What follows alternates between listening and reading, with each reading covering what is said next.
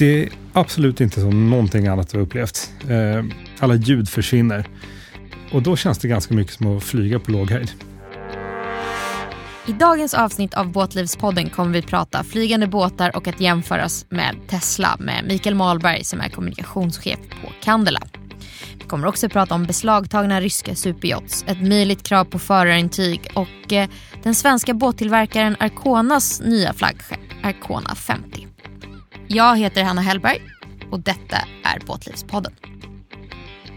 Båtlivspodden är ett initiativ från tidningen Båtliv, Svenska Sjö och Svensk Båtunion.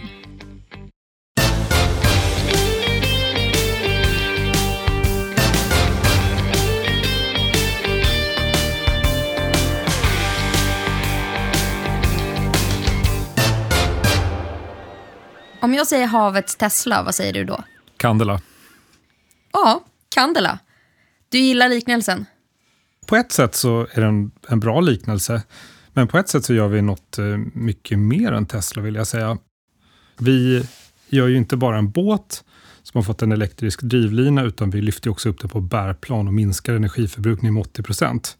Så det är ett helt ny typ av farkost som inte har funnits förut egentligen. Men vi kanske borde backa bandet lite, för nu kom vi rakt ner i det göttiga. Vi pratar om Candela, men eh, vem är det som pratar om Candela? Eh, ja, jag heter Mikael Malberg och är kommunikationschef på Candela. Så du är van att kommunicera kring det här med bärplan? Jag har pratat mer än någon annan tror jag om, om flygande elektriska båtar och jag gillar det väldigt mycket. Men för de som inte är fullt lika bevandrade i flygande elektriska båtar som du, ge oss lite background info om Candela. Hur började det? Candela startades av, av vår grundare Gustav Hasselskog 2014 och eh, han hade vid den här tidpunkten en Bertram Daycruiser som han åkte runt med i skärgården till sitt sommarstuga. Och eh, problemet med den här båten var att när han åkte till Sjömacken för att köpa glass åt sina söner så kostade den här resan ungefär 50 kronor i, i glass, men 500 kronor i bensin. Så han insåg att någonting är, är, fel med energikonsumtionen hos vanliga planande båtar. Och det var därför det inte fanns några schyssta elektriska alternativ. Det här var ju på en tid när Prius också var den hetaste elbilen, så det fanns liksom inga elbilar att jämföra med heller. Så han insåg att för att göra en riktigt bra elbåt så måste man minska energiförbrukningen för att kunna åka både långt och snabbt. Annars går det inte. Ett vanligt planande skrov drar ungefär 15 gånger mer energi än en, en familjebil. Och Det innebär att bara liksom lyfta ut dieselmotorn och stoppa i en, en eh, eldrivlina gör att du kommer liksom ingenstans om du ska köra snabbt. Så han insåg att vi måste få bort friktionen. Och Det gör vi då med hjälp av bärplan. Så att vi lyfter upp Candela ovanför vattenytan med hjälp av bärplan. Det är en slags vinge som flyger genom vattnet och under båten. Och Då minskar vi energiförbrukningen med 80 procent och det gör att vi kan köra både långt och snabbt på el. Ja, och, och lägga till där då, för folk som kanske inte är så välbevandrade med just bärplan, det gör ju att båten i princip flyger på en, en pytte, pytte, pytteliten bit som faktiskt bara är vattnet. Det ser verkligen ut som när man lyfter. Plopp! Ja, precis. Vingen som, som ligger i vattnet är ungefär 2,45 eh, lång, då, så den är lika bred som båten. Och den här lilla vingen den ser pytteliten ut. Den eh, ger så mycket lyftkraft som man kan lyfta en, en kandela som är 8 meter lång och åtta personer då. Och eh, förflytta de här, den här tyngden av båten och besättningen i, i 30 knop. Coolt. Så han hade den här idén. Han ville eh, lägga lite mindre pengar på drivmedel än på glass. Att ta det från den tanken till där vi är idag. Hur har den resan sett ut? Det var en eh, ganska svår resa får man säga. Eh, skakig på alla sätt. Det visade sig att det var betydligt svårare än Gustav trodde att utveckla en sån här båt. Och svårigheten är ju att när man väl ska börja flyga med en båt, då blir båten eh, vad vi säger på engelska, inherently unstable, alltså eh, i, i, grunden instabil. Då. Ungefär som ett, ett modernt stridsflygplan, som ett JAS-plan eller en F16. Så när du väl flyger så måste du balansera båten genom att röra det här bärplanet ungefär 100 gånger per sekund för att balansera båten. Det funkar som en, en segway, fast mycket mer avancerat kan man säga. Och eh, att få mjukvaran rätt och få sensorerna rätt och eh, få hydrodynamiken rätt. Det är ingen som har gjort det här tidigare. Det tog eh, ett antal år, så den första prototypen kom 2016. Den funkade inte alls. Gustav eh, fick eh, sätta sig vid ritbordet igen. Och 2018 så kom vår andra prototyp som funkade perfekt och som följdes av serieprodukten då, som heter Candela C7 och var den första elektriska bärplansbåten i världen. Och den här har vi nu byggt då 32 stycken av och vi har precis lanserat efterföljaren som heter Candela C8. Candela C8, jag har faktiskt läst lite om den men eh, du kanske ska få berätta lite. Vad är skillnaden från C7 till C8? Hur har liksom utvecklingen däremellan gått? Ja, om, vi, om vi tar Tesla-analogin så är Candela C7 är vår, vår Roadster. Det är en, en eh, båt som är oerhört exklusiv att tillverka. Den är handbyggd eh, förstås som alla båtar in i minsta detalj, men den är komplex att bygga och eh Eh, därför ganska dyr. Eh, och vi koncentrerade egentligen allt krut på att göra en så lätt båt som möjligt som skulle flyga. Och då bestod Candela av ett team på ungefär åtta personer då, som konstruerade hela båten. Candela C8 är efterföljaren, den är större. Eh, den är betydligt mer avancerad och har funktioner som ruff till exempel. Den har kylskåp och dusch, alla de här grejerna som man förväntar sig av en 8 meters båt egentligen. Men den flyger också och har en helt ny drivlina som heter Candela C-pod och den är byggd för effektiv massproduktion. Så det här är båten som, som eh, ska göra elbåtarna till en storsäljare worldwide. Och det är de redan, för jag har sålt över 100 stycken. Och det här är en relativt dyr båt, eh, 3,5 miljoner ungefär, för en C8, eh, inklusive moms.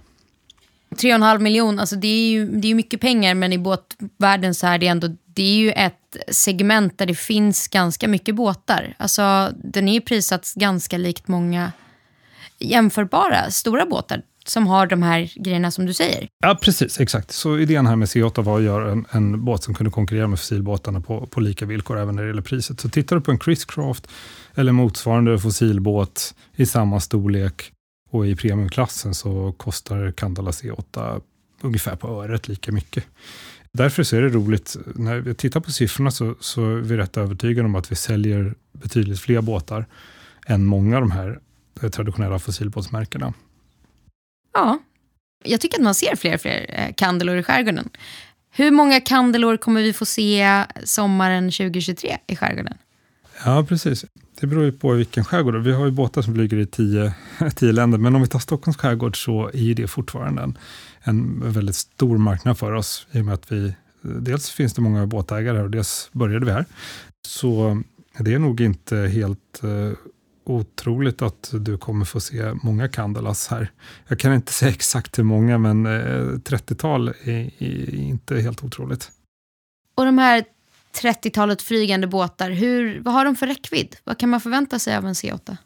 Vi har ju då en räckvidd på 50 sjömil ungefär i flygande eh, fart, vilket är 20 22 knop ungefär där. Eh, och sen så varierar den räckvidden lite beroende på vilka förhållanden det är. Är det extremt grov sjö eh, så får du köra lite långsammare, men eh, där någonstans ligger den.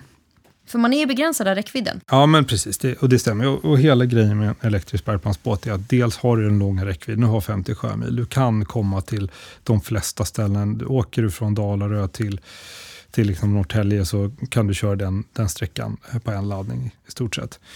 Och sen så är, är fördelen med en, en Kandel att du har en jämförelsevis liten batteribank. Den ligger på 44 kilowattimmar initialt i Candela C8. Och det innebär att har du ett trefasuttag, det finns på ganska många ställen i, i skärgården, då, då laddar du båten på 2-4 timmar. Och det är ju snabbt, för oftast åker du inte du åker liksom inte i två timmar för att stanna 15 minuter på stället, utan åker du någonstans så långt, och då är du oftast där över natten eller över dagen i alla fall och då hinner du ladda. Och det är en fördel med en, med en bärplansbåt då, i och med att ska du ha liksom en konventionell båt med ett jättestort batteripack, då tar det väldigt lång tid att ladda på den infrastruktur som finns i skärgården. Men överlag, tittar man på infrastrukturen så hur många sjömackar finns det i Stockholm? 10, 15 kanske? Hur många eluttag finns det i skärgården? Flera. Ja, ganska många. Ja. Och det är ett projekt som vi har. Det är att skapa ett virtuellt laddnätverk. Så vad vi gör då är att vi knyter ihop alla de här laddpunkterna. Eh, det kan röra sig om gästhamnar, det rör sig om sjömackar, det kan vara restauranger, det kan vara olika näringsidkare av olika slag som, som har en brygga, eh, vill ha kunder och har möjlighet att erbjuda ladd. Eh, Perfekt. och, och de här knyter vi då ihop i skärmens user interface. Så att du kommer se som kandelägare att här kan du ladda. Och för någon som då inte är eh, utbildad fysiker, generellt sett när man kör vanliga eh, fossildrivna deplacementsbåtar så går ju bränslekonsumtionen upp något enormt när man tickar över marschfart. Hur är den relationen, alltså Candelas hastighet och batteriförbrukning? Ja, precis, man, man, kan säga att en Candela börjar bli bra när en vanlig båt börjar bli dålig. så när du kommer in över 20-22 knop en, en vanlig båt, alltså du kommit över planingströskeln med en planande båt, där ligger den mest effektiva farten, som inte alls är särskilt effektiv egentligen. Då. Men sen kommer du upp på 25 knop så börjar det ändå bli stötigt och låter väldigt mycket. Egentligen kan man säga att en planande båt egentligen inte är en särskilt trevlig upplevelse. Det låter, det stöter och det vibrerar. I en Candela så blir den som bäst eh, efter 20 knop när man kommer upp och flyger. Vi lyfter i 17-18 knop ungefär och sen när du väl flyger i 20 knop så hörs knappt motorn. Det enda du hör är egentligen lite fräsande från vågor och vindbrus. En och annan mås kanske? En och annan mås kanske. Och sen har vi en toppfart på 30 knop som är elektroniskt hastighetsbegränsad. Vi har gjort vingprofilen så att den är som bäst för 20-24 knop. Då, så att den är som mest ekonomisk i den hastigheten. Sen går det upp lite i 30 knop.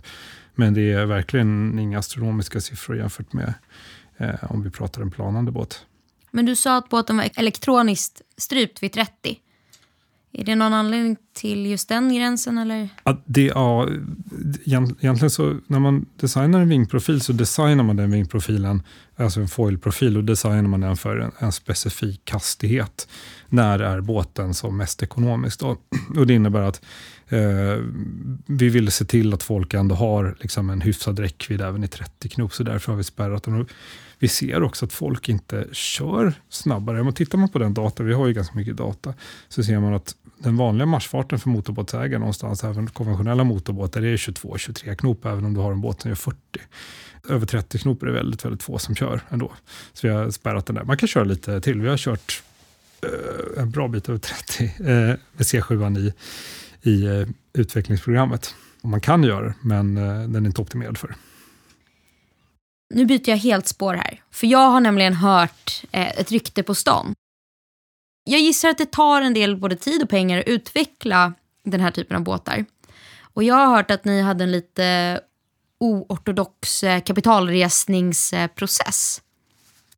Vet du vad jag refererar till? Uh, nej. Men jag hörde att det var en grundare av ett, en annan ganska känd talkshow eh, som kallas för TED Talks som hade fått nys om er och i princip ringde Gustav och bara eh, det här var fett. Ja, eh, Chris Henderson som är eh, chefen för TED Talks. Han mejlade en vacker dag, en höstdag för eh, ett och ett halvt år sedan, så mejlade han till kontaktadressen eh, eh, och skrev I'm the head of TED, I want to invest.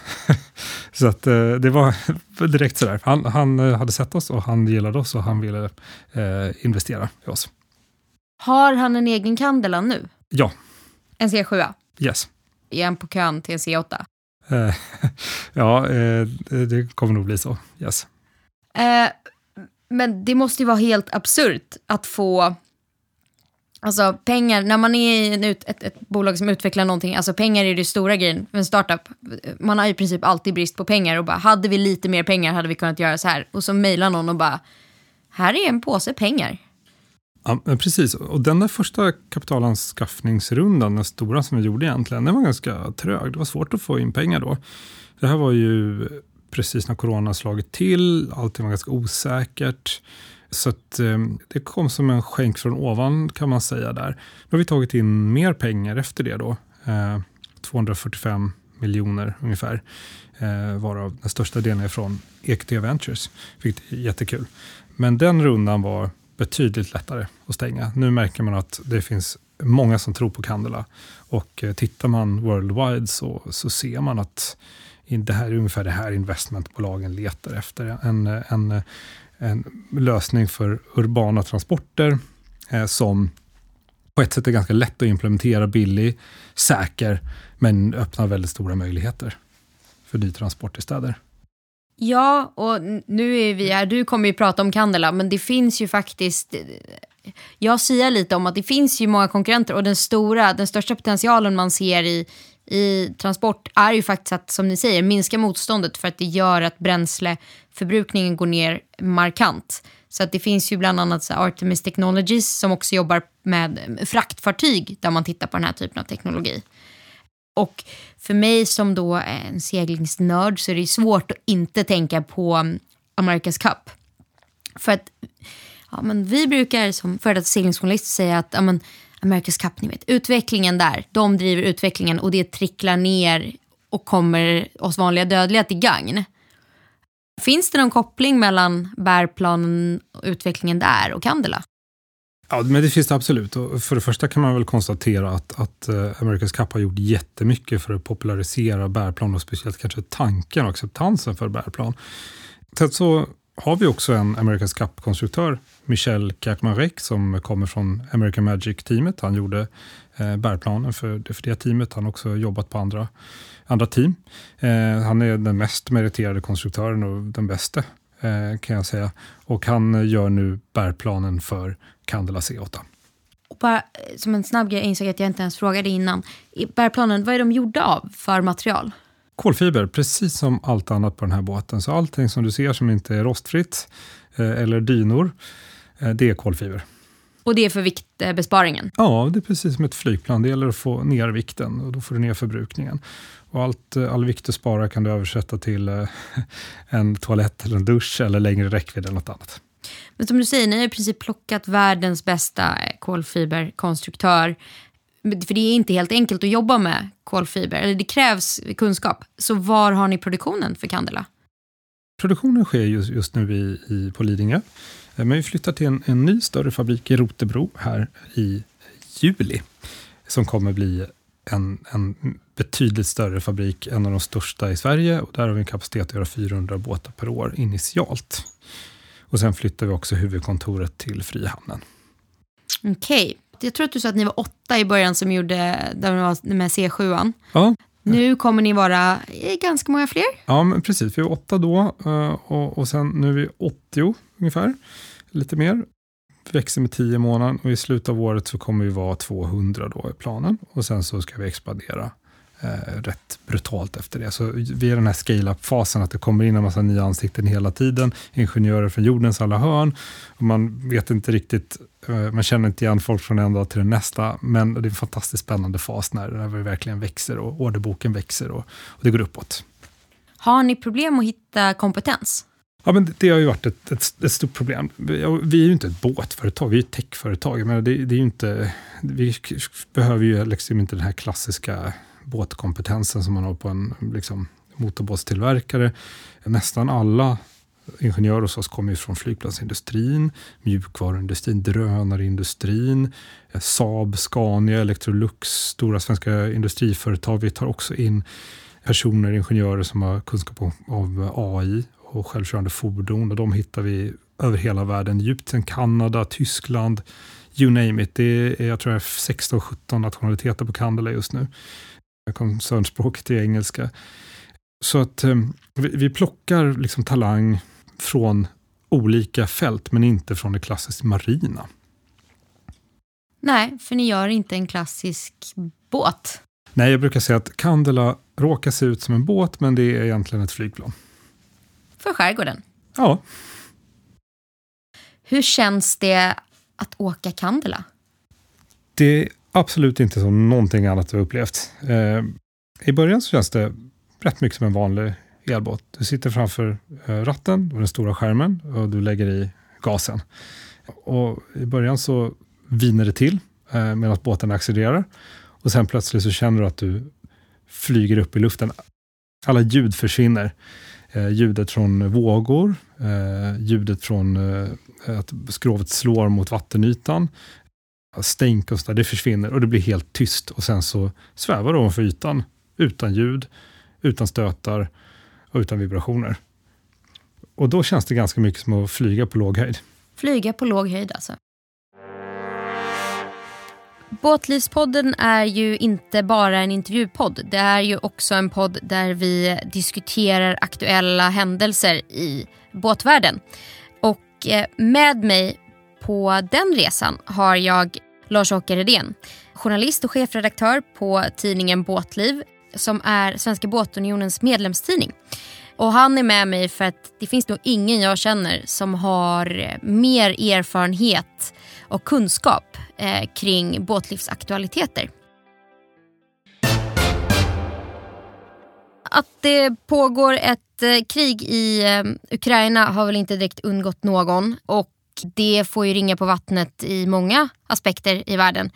Och i den podden vi är i nu, Båtlivspodden, så känns det ju väldigt aktuellt att prata om effekterna det här har fått på båtvärlden. Och den största snackisen, Lars-Åke, vi måste ju ta det. Det är ju alla de här eh, ryska superjotsen som har beslagtagits, som inte får tanka. Vill du uppdatera mig lite på läget där? Eller oss ska vi säga. Ja, det hände ganska många saker i snabb följd där precis efter den 24 februari när eh, ryssarna hade gått in i Ukraina. Då. Det var bland det första man gjorde det var att eh, konfiskera kan man säga. Det är lite olika uttryck som eh, cirkulerar här men det bästa är nog att myndigheter i olika länder konfiskerade de här båtarna så att de, man la dem vid kaj, de fick ligga still där och sen fick ingen göra någonting med dem. Och det var, började ju i Tyskland och sen har det spridit sig till Spanien och Italien och eh, lite andra länder. Samtidigt som en del oligarker lyckades få iväg sina båtar till, till zoner där man eh, inte har några utlämningsavtal med USA till exempel. Men det kom ju snabbt problem med detta eftersom de här båtarna de är beroende av service och uppdateringar hela tiden.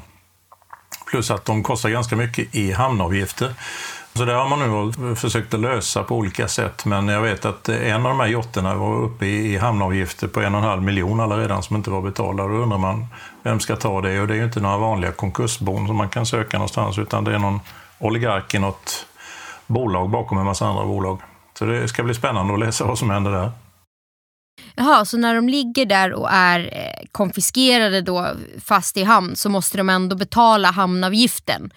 Men ja. nu vet man liksom inte hur man ska få in de pengarna direkt. Exakt, och många av dem har ju kanske en besättning på 40, 50, 60, 70, kanske ännu fler personer. Och vad gör man med dem? En del eh, jotter, de superjotter ska man säga, för det här är inga vanliga jotter, det är riktiga flytande lyxpalats. En del av besättningarna stack med en gång hem till Ryssland. Andra har ju då mycket mer mixad besättning, framförallt med kanske engelsmän och lite amerikaner och sånt ombord, även en del svenskar tror jag.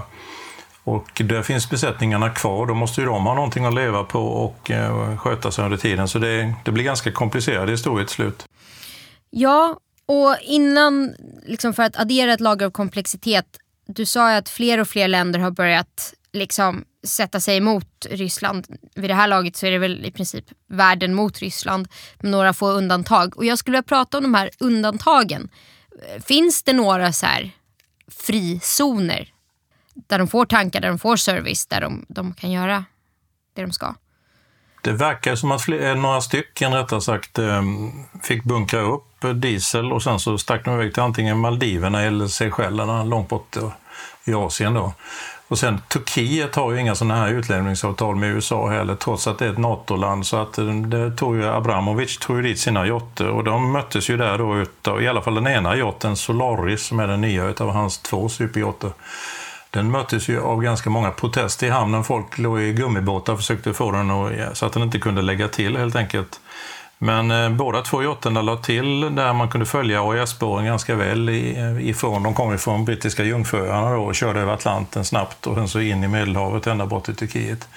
Sen efter någon vecka så eh, låg bara den stora båten som heter Eclipse kvar Medan Solaris hade kört vidare ut. Nu tror jag inte riktigt att man vet var den finns för att de stänger ju av sina AIS, alltså den utrustningen som skickar signaler med, med position och så och fart och andra saker. Så de måste vara igång egentligen, men de har bara stängt av det och sen så stuckit iväg någon annanstans. Så vi får väl se var den dyker upp. Ja, precis. Jag tänkte återkomma till det här med AIS. Det är ju eh, det är som att i princip skruva av registreringsplåtarna på en båt och eh, ja, verkligen flyga under radarn. Eh, så att eh, Men de är ju också lite svåra att gömma. Alltså det är ju flera hundra meter båt. Men du säger alltså små önationer i Sydostasien. Det är där de gömmer sig. Ja, Seychellerna och Maldiverna framförallt. Men det finns sajter, speciellt om man följer på Twitter så finns det sajter som eh, kommer inte ihåg vad de heter nu, men jag har varit inne själv och tittat. Det finns de som har dedikerat hela sin vakna tid, verkar det som, att följa och spåra de här. Man kan ju kombinera AIS, som är den riktiga positionen, men som förmodligen är avstängd då, med lite information från olika hamnar. Och det finns nog många människor som är beredda att sladdra lite. Och sen så kan man titta på Google-bilder, Google Earth. Och nu har ju Google Earth släppt en massa väldigt högupplösta bilder över hela världen, om ni har sett det så kan man se lite mer detaljerat och jag tror att man kan se ända in och se vad det är för båt. Alltså kanske inte namnskylten, men man känner ju igen de här ganska stora fartygen. De är ju mellan 100 och över 200 meter, några, stycken. Så det är, mm, följ Twitter eller speciella konton på hemsidor så, ska, så finns det alla möjligheter att hålla sig uppdaterad. Jag vet att det fanns någon svensk tjej som sitter i USA också och håller på med detta och de är otroligt uppdaterade och ju mer man lägger ut desto mer tips får man in så funkar det ju ofta i media. Så det är rätt så spännande. Ja, det här är nog inte det sista vi hör. Jag har en känsla av att det här kan komma att eh, bli en följetong. Mm. Jag tror det är väldigt angeläget för de här ryska oligarkerna att hålla koll på sina båtar, för det är liksom ögonstenen i deras rikedom. Även om de har 250 miljarder kronor och den här båten kanske bara i sammanhanget kostar 5 miljarder då, så är det liksom den som är den yttersta eh, förlängaren utav att man har status och pondus på alla sätt. Och det är den lyxpalatset då som man tar emot alla sina kompisar och ska imponera på dem. Så att de här båtarna är de nog väldigt noga med att de inte försvinner på något sätt. Och den första superjotten som man beslagtog det var ju i Tyskland på det här, ett fint varv i Bremen. Och det var han, Usmanov hette väl den oligarken som äger en yacht som heter Dilbar. Och den har jag sett, den är både stor och ganska vacker för att vara en sån här båt.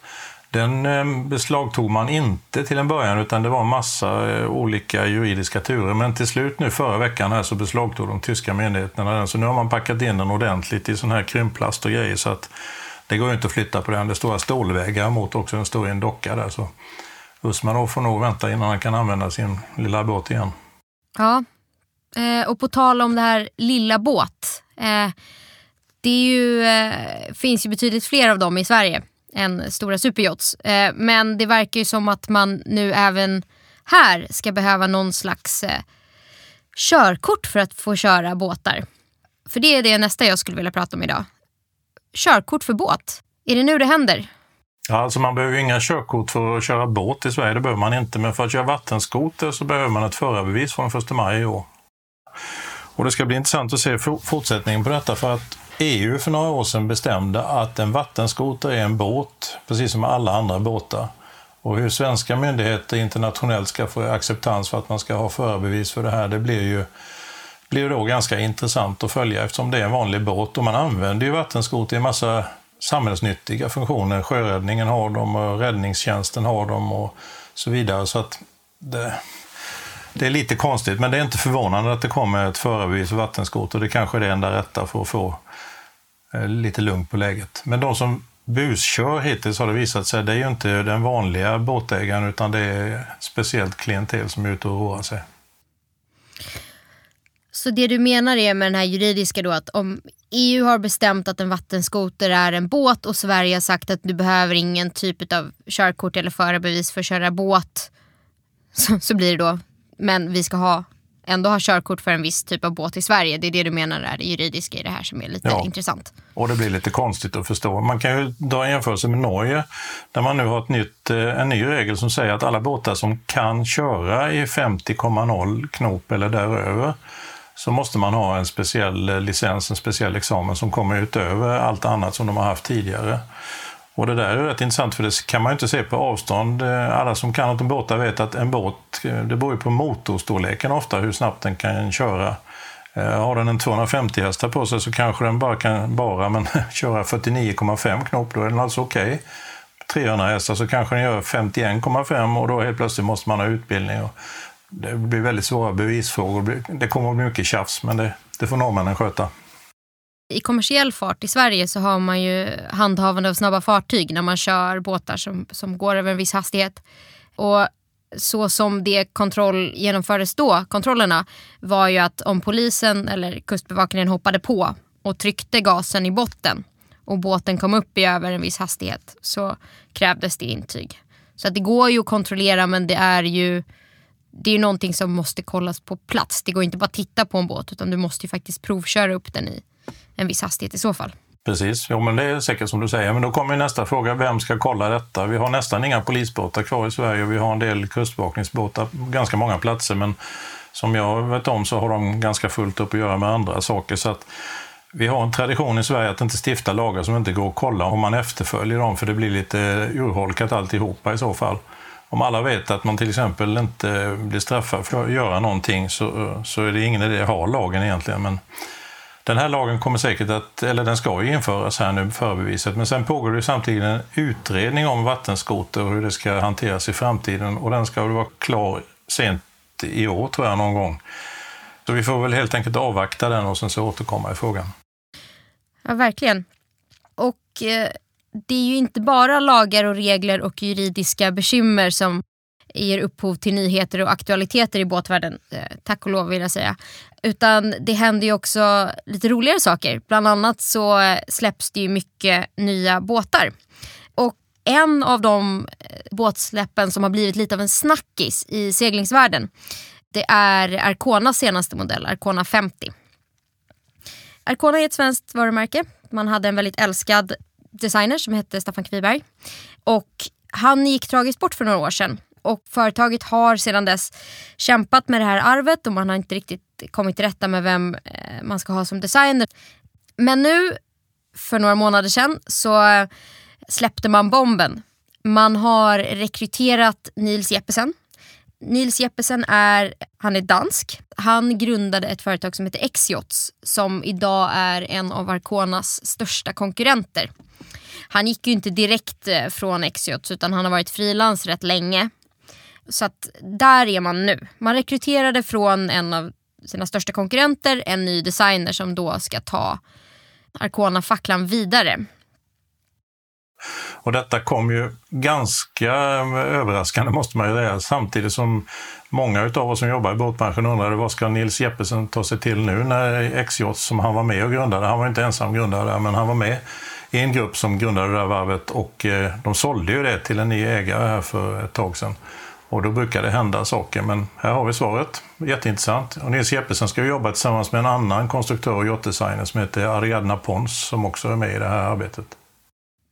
Precis. Eh, Ariadna är från Spanien, seglare själv och ja, yachtdesigner också. Jag tycker personligen att det är väldigt kul att man får in lite kvinnliga designer i en annars ganska mansdominerad bransch.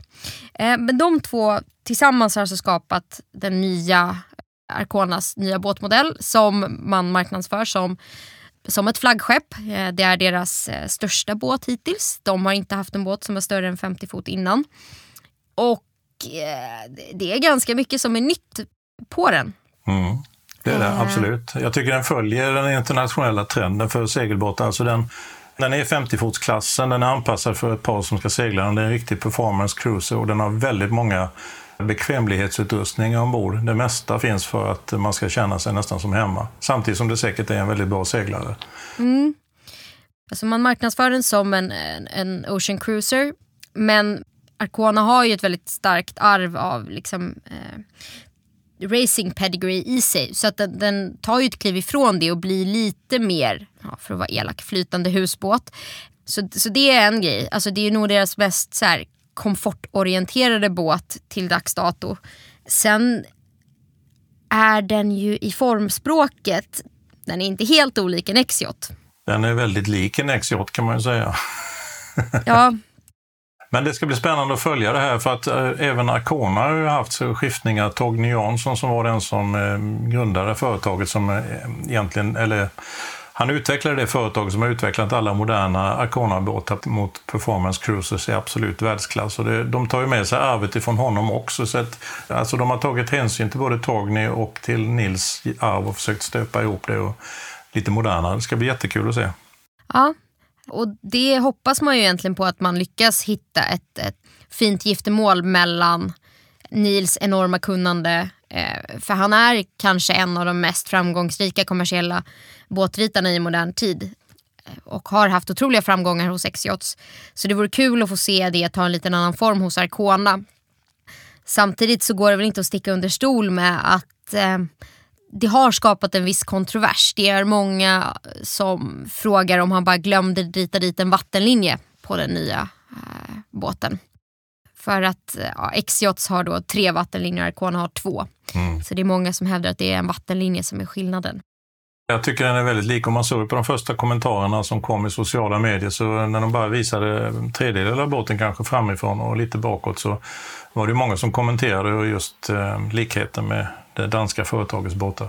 Mm. Men vi har sett liknande kollisioner eh, framförallt i motorbåtsvärlden där ett motorbåtsföretag från Göteborg fick konkurrens från Finland av ett märke som heter Aquador. Eh, många som tycker att de var otroligt lika. Men det räcker inte att en båt är lik. Alltså det är väldigt svårt att mönsterskydda eller sätta copyright eller patent på en båt. Utan man får nog leva med att ganska många båtar är väldigt lika varandra. Och tittar man bakåt i tiden så kommer vissa linjer igen. Och det är väl bara att acceptera att det finns vissa saker som funkar och då, då kör man vidare på det.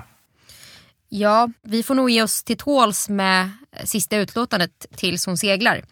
Eh, och det är sagt att det ska ske 2023 tror jag. Men eh, ja, det var väl det som hade hänt nu. Vi kommer komma tillbaka i nästa avsnitt med en eh, superspännande intervju med Josefin Olsson som tog OS-silver i Tokyo. Och du kommer vara tillbaka och vi kommer prata fler snackisar från båtvärlden Lars-Åke. Ja, jag lovar. Då ses vi nästa gång.